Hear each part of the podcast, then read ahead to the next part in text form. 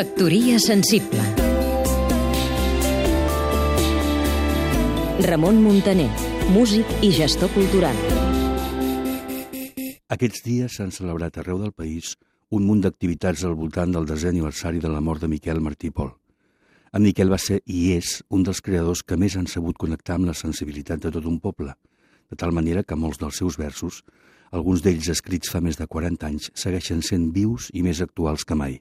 És el que té la bona poesia. Això que ara sembla tan evident ha estat possible, òbviament, gràcies al seu talent, però també a partir de l'esforç de molta gent que a través de diferents iniciatives ha contribuït al llarg dels anys al seu coneixement i a la seva difusió. Una d'aquestes iniciatives va ser Els llibres del Mall, una col·lecció poètica creada el 1973, aquest desembre es compliran 40 anys, a Curial Edicions. Fundada per Ramon Pinyol i Balasc, que en fou el director, i per Maria Mercè Marçal i Javier Bordessala, entre d'altres, va esdevenir de seguida una plataforma de llançament de la nova poesia jove per a donar a conèixer alhora l'obra d'alguns autors de generacions anteriors, com ara Miquel Martí Pol, i per posar a l'abast de tothom traduccions dels grans poetes internacionals. El 1975 es convertia en editorial i el 1986 publicà el darrer títol, després de donar a conèixer més de 40 poetes i de publicar més de 100 referències.